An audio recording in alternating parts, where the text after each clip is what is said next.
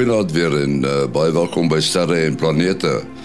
Vanaand praat ons oor klein maankarretjies wat met mekaar praat, ook hoe die spoed van lig gemeet is en dan ook oor hoe die afstand na sterre bepaal word. Ons gaste, Mati Hofman en Willie Koorts. Willie, daar's 'n interessante berig van 'n sogenaamde keider ontplooiing op op die maan. Hulle wil 'n sogenaamde wolf pack tye op die maan plaas. Het jy meer inligting daaroor? Ja, ja, interessant. Hierdie keider, dis dan nou nie keider ontplooiing soos wat ons hom ken hier nie. Hierdie hierdie staan vir cooperative autonomous distributed robotic exploration.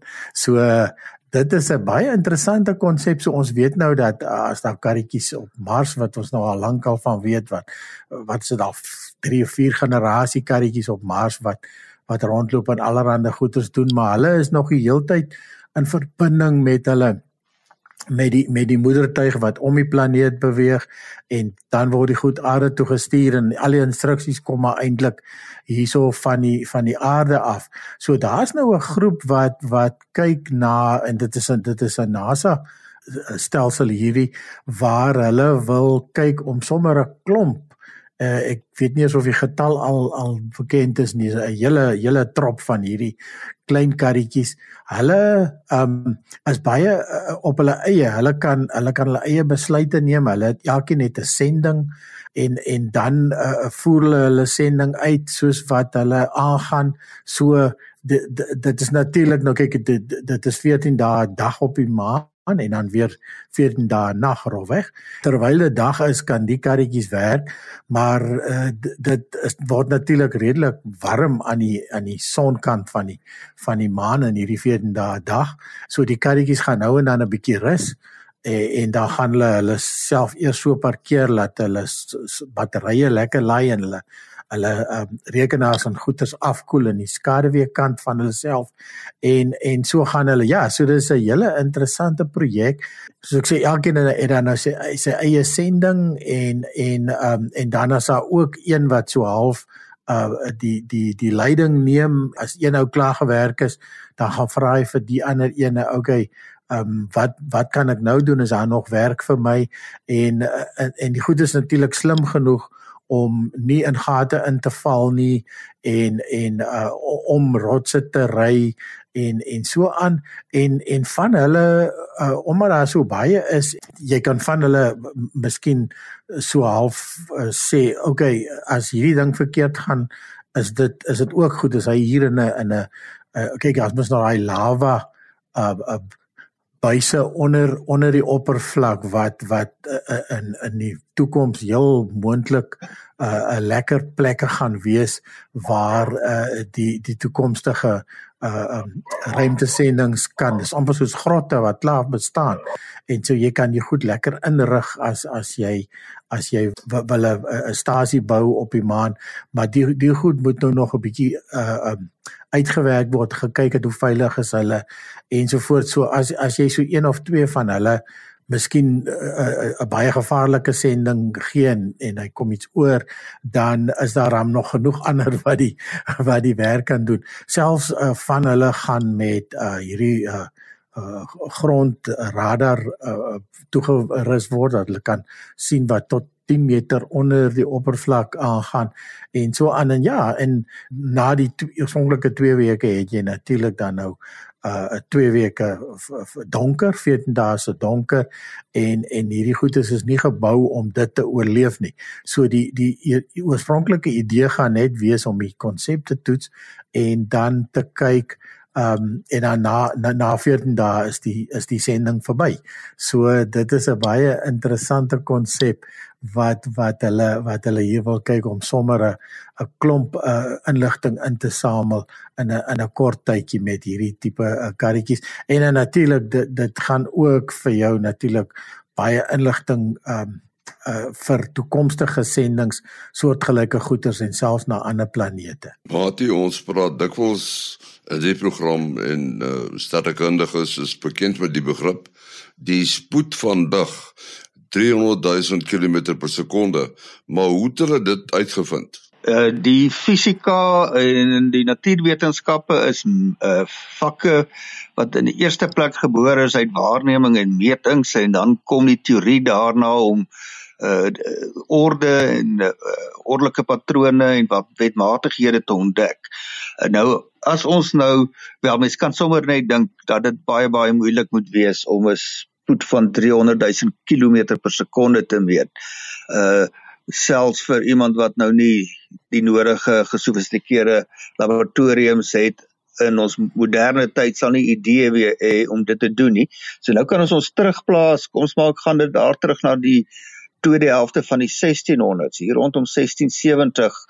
Ehm uh, en dit was in die tyd toe uh mense soos Romer en Newton werksaam was in die sterrekunde en in die fisika.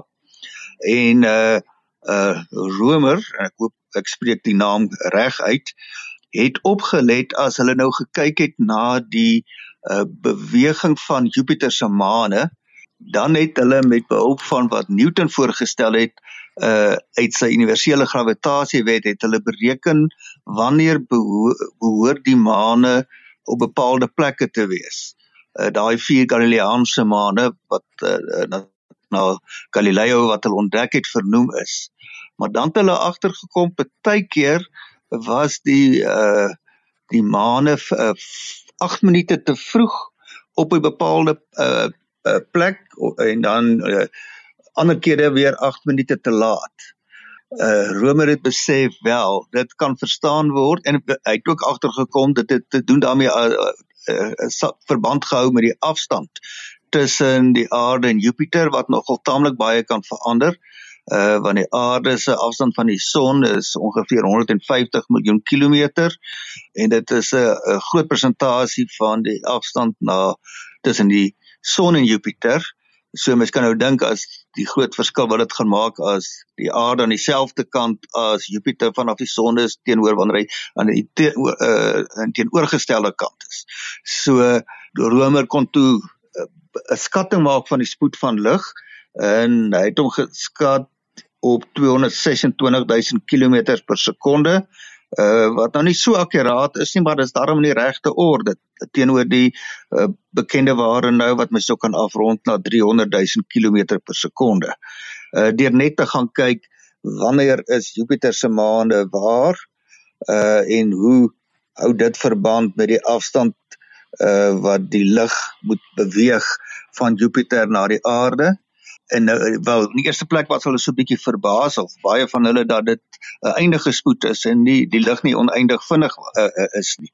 Maar nou net uh, om nou 'n bietjie terug te gaan die werk was moontlik gemaak deur Newton se uh, voorstel uh, van die universele gravitasiewet dat die versnelling van voorwerpe hier op die aarde en die beweging van die maan om die son aan dieselfde verskynsel te wyte is naamlik gravitasie sy wet het het daarop neergekom dat die sterkte van 'n krag tussen twee liggame met massa uh verswak met die kwadraat van die afstand. So uh om dit nou spesifiek te illustreer met uh iets naby die oppervlak van die aarde en uh en die maan. Uh die maan is 60 keer verder vanaf die middelpunt van die aarde as wat ons hier op die oppervlak van die aarde is.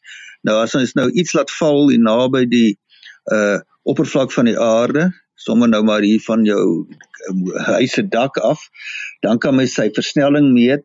Dit is amper afgerond 10 meter per sekonde kwadraat. So elke 1 sekonde neem die spoed met nog 10 meter per sekonde uh toe. En as 'n mens nou daardie versnelling vat en jy verswak dit met 60 kwadraat, Nou die 60 kwadraat is nou van die die kwadraat van die eh, wat in die wet voorkom en dan die 60 keer wat die maan verder is as die grootte van die aarde se radius. Dan kom ons uit uh by 'n getalletjie van 0,0027 meter per sekonde kwadraat teenoor die 10 meter per sekonde kwadraat. So uh hulle het reeds kon meet uh en uit die uh, wel ons ken die periode van die maan ons ken die afstand kon hulle die versnelling van die maan as gevolg van uh watter oorsaak ook al wat Newton gesê die aarde se gravitasie is, dit het hulle geken.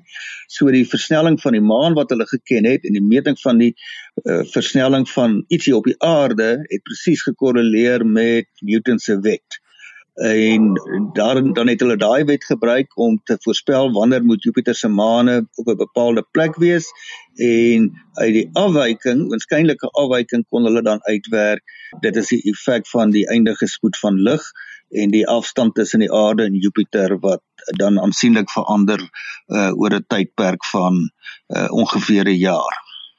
Wat vir my ook interessant is soos jy nou sê Roemer en Huygens uh, uh 1675 baie baie lank terug. Ek meen Galileo het selfs probeer met lanterns maar hulle het agtergekom maar is eintlik 'n verskil nie. En uh toe later die twee uh, eksperimente wat vir my altyd interessant was en ek onthou uit my skool daar uit het ons fisika onderwyser meneer Koos Burger het altyd het vir ons die twee goed verduidelik en dit het erns in my koploop vassteek en dit was nou interessant om te sien um twee twee persone of praat jy van 1849 hou met die naam van Fizo en dan en dan 1862 uh, uh, Leon Foucault wat ons vandag nog ken. Hulle het uh, hier op die aarde die die metings gedoen. Soos jy sê, die eerste metings is eintlik uit die ruimte uit gedoen en en toe hulle dit later op die aarde probeer doen en en Fizo se se apparaat was vir my altyd interessant geweest. Hy het 'n 'n 'n speeltjie gehad en 'n liggie en dan 8 km ver weg was daar nog 'n spieël wat die lig weer terug weer kaats het.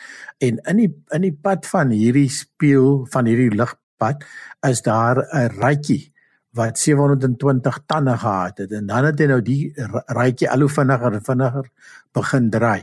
So op 'n stadium kry jy dat die lig skyn tussen twee ry tussen twee uh, tandjies deur.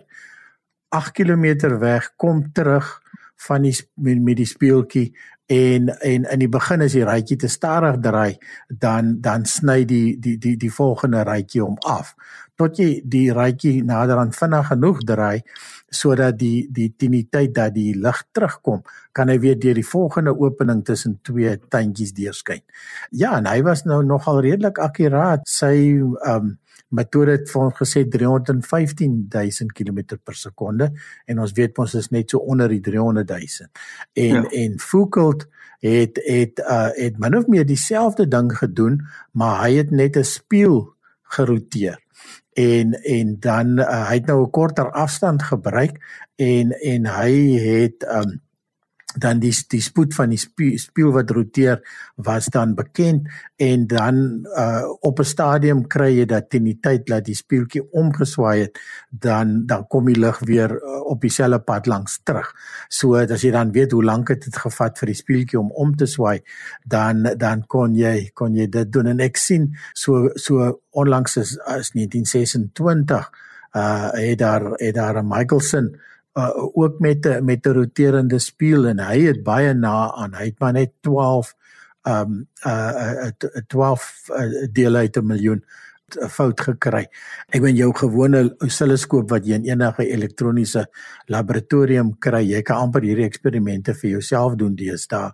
En, en en interessant genoeg dat die uh, die definisie van 'n sekonde is is is 'n sekere breekdeel van die spoed van lig. So so goed kan ons al spoed van lig uh vandag neem. Want ja, die mense was daarom baie vindingryk wil hy uh as mens nou ding by die tegnologie en goed tot hulle beskikking. Die interessante ding van daai metodes waarna jy nou verwys het, die lig moet in twee rigtings beweeg. So daar's mense wat dit kritiseer en sê wel ons kan nie verseker sê die spoed van die lig is dieselfde uh wanneer dit weggaan en wanneer dit weer terugkom nie. Maar in elk geval met ja. die met die ou tydse metode het die lig nou uit een rigting gekom. Maar dit was nou nie so akkurate metode nie. Ja, want jou meetinstrumente was was nou nog baie baie ver weg van van akkuraat soos ek sê vandag so teleskope. Ja is al so akkuraat jy kan jy kan dit jy kan baie van hierdie eksperimente vandag herhaal met ons teleskoop om om hier byvoorbeeld die rotasie baie ja ja, te meet ja. maar soos jy ook sê die die die die heen en weer lig um uh kon kan dalk beïnvloed gewees het deur wat ons neem doppler verskywing aan. Ons sal dit wel in klank kan agterkom maar in lig ja. uh, uh, uh, vir daai ja. vir daai instrumentasie was nog ja. net nie akkuraat genoeg nie. Ja. Ja. Ons aanvaar maar uh, weer dit is 'n fundamentele eienskap van uh of 'n postulaat van Einstein dat die lig se spoed dieselfde is in alle rigtings uh pel in 'n vakuum maar as jy nou in 'n medium is en daar sou dan en daar's baie groot spoed van die mediums en so aan dan kan dit die spoed van lig wel rigting afhanklik maak. Ja, want want Foucault se se eksperiment was eintlik maklik genoeg en klein genoeg dat hy het hy het selfs lig deur water gestuur en toe agtergekom maar die spoed van lig verskil deur water. So hmm. uh, ja, dit ja. was dit was interessant, interessant nee, ja.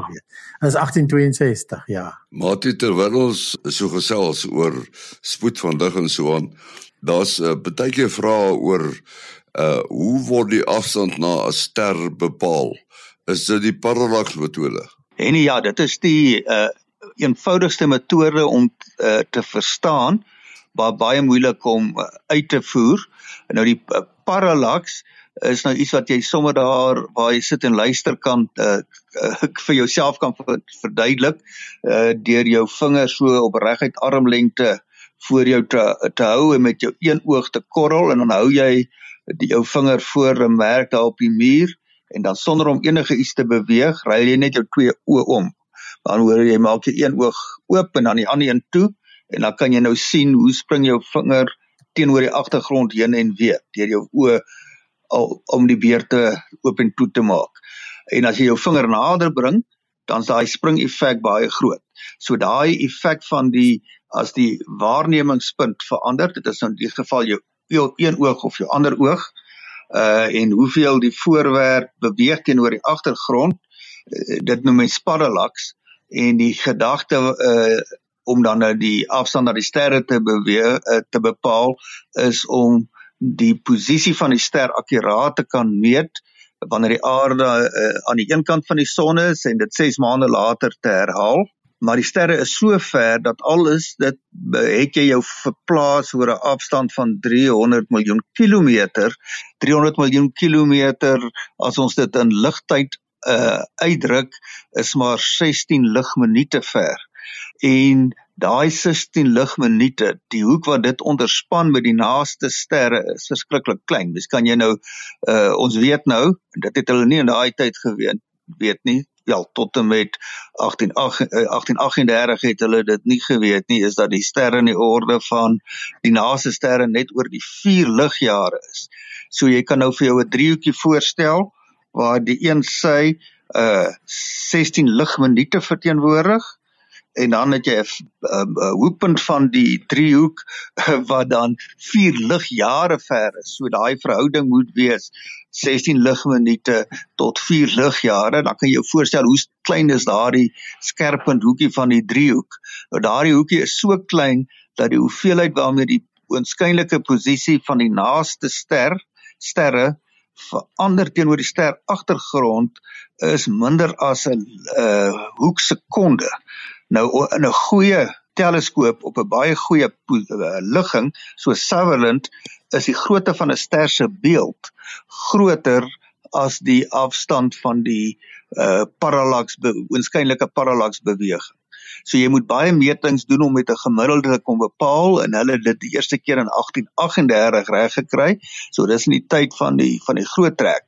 Uh en dit is nou moet mense weet dit is meer as 200 meer as 200 jaar, amper 220 jaar na Galileo reeds die teleskoop op die sterre begin rig het. Ja, kyk en daai manier kan jy so 10000 ligjaar ver meet en dis natuurlik uit die Kaap en Johannesburg af was so 'n bietjie 'n bietjie 'n 'n 'n wetywering oor wie gaan dit eers publiseer en op die ou end die ou in die Kaap het dit eers gemeet maar laaste gepubliseer. Hulle sê mos um um perish or publish, jy weet so.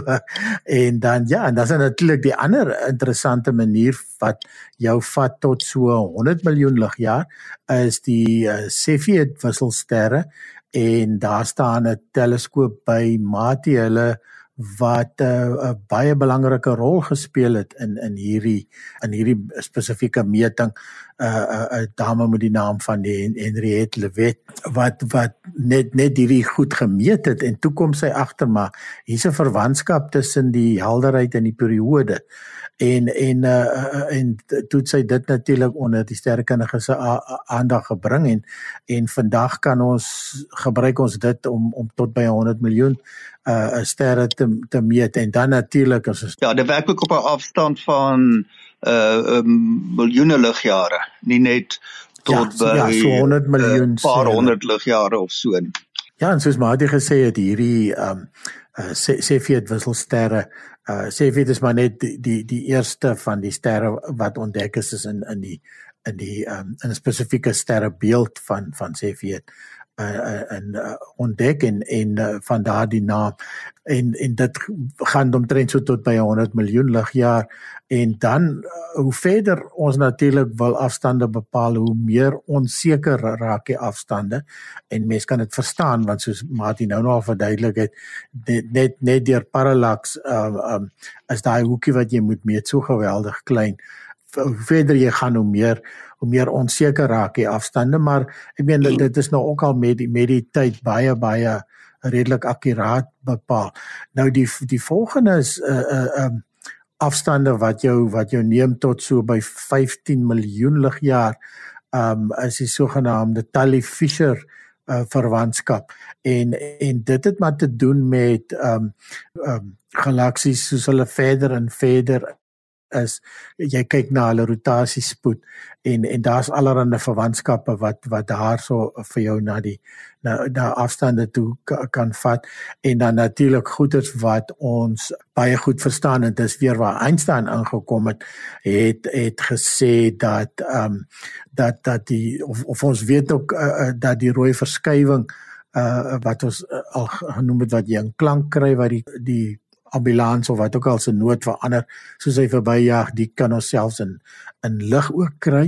En dan hoe hoe verder uh uh sterrestelsels van ons af is um hoe meer kan ons sien het hulle lig na die rooi rigting verskuif en en dit het natuurlik Edward Hubble het, het dit uh destyds eerste voorgestel en en so deur net suiwer te kyk na die rooi verskywing van nou praat ons gewoonlik maar van galaksies want sterre is ver te dof om so ver te kan skyn. So 'n hele sterrestelsel se lig as jy dit dan meet in in rooi verskywing kan jy kan jy sien um tot 'n biljoen of 'n miljard ligjaar verder. Ja so daar's daar's natuurlik nou um uh, uh allerhande um, verdere maniere om na supernovas te kyk uh, ensovoorts ensovoorts maar dit raak ba baie ingewikkeld en baie en baie meer onseker soos ons Ja, maar as jy nou kyk na die uh, James Webb teleskoop wat nou baie ver kyk uh, is dit maar uh, die Doppler effek wat hulle gebruik of is daar ander metodes? Ja, so hulle gaan definitief die die rooi verskywing ook kan sien en en presies soos jy nou sê die uh James Webb is in die infrarooi en en dit is hoekom sy spieëls byvoorbeeld moet goud oorgetrek is in plaas van van aluminium soos soos die gewone blinkspieëls wat ons ken. Ehm um, want die weerkaatsing in die ultra in die infrarooi is is beter van ehm um, vanaf vanaf goud byvoorbeeld en die instrumente is alles in in die in die infrarooi.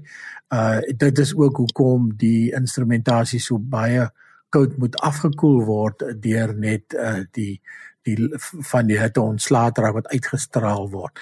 Ons het nou al agtergekom en dit is juis hoekom hulle toe besluit het dat James Webb moet in die infrarooi werk dat dit selfs met Hubble is die rooi verskywing al so ver dat dit in die infrarooi begin inskuif waar die meeste teleskope afsny. Hulle kan nie tot daar tot daar werk. Dit is eintlik 'n hele ander tegnologie ook as jy 'n gewone CCD kameras, die goed wat ons bou gebou het vir salt en so. Um hulle is rooi sensitief, maar hulle hulle kom net tot by wat noem naby infrarooi. So as jy wil dieper in die infrarooi werk, het jy eintlik 'n hele ander tipe sensor nodig.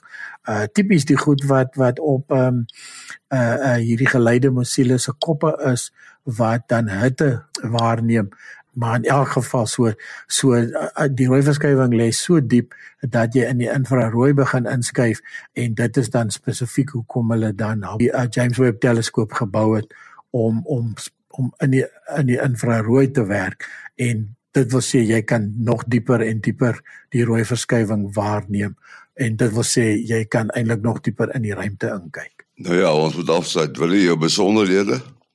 Ja, mense kan WhatsApp verkieslik 0724579208.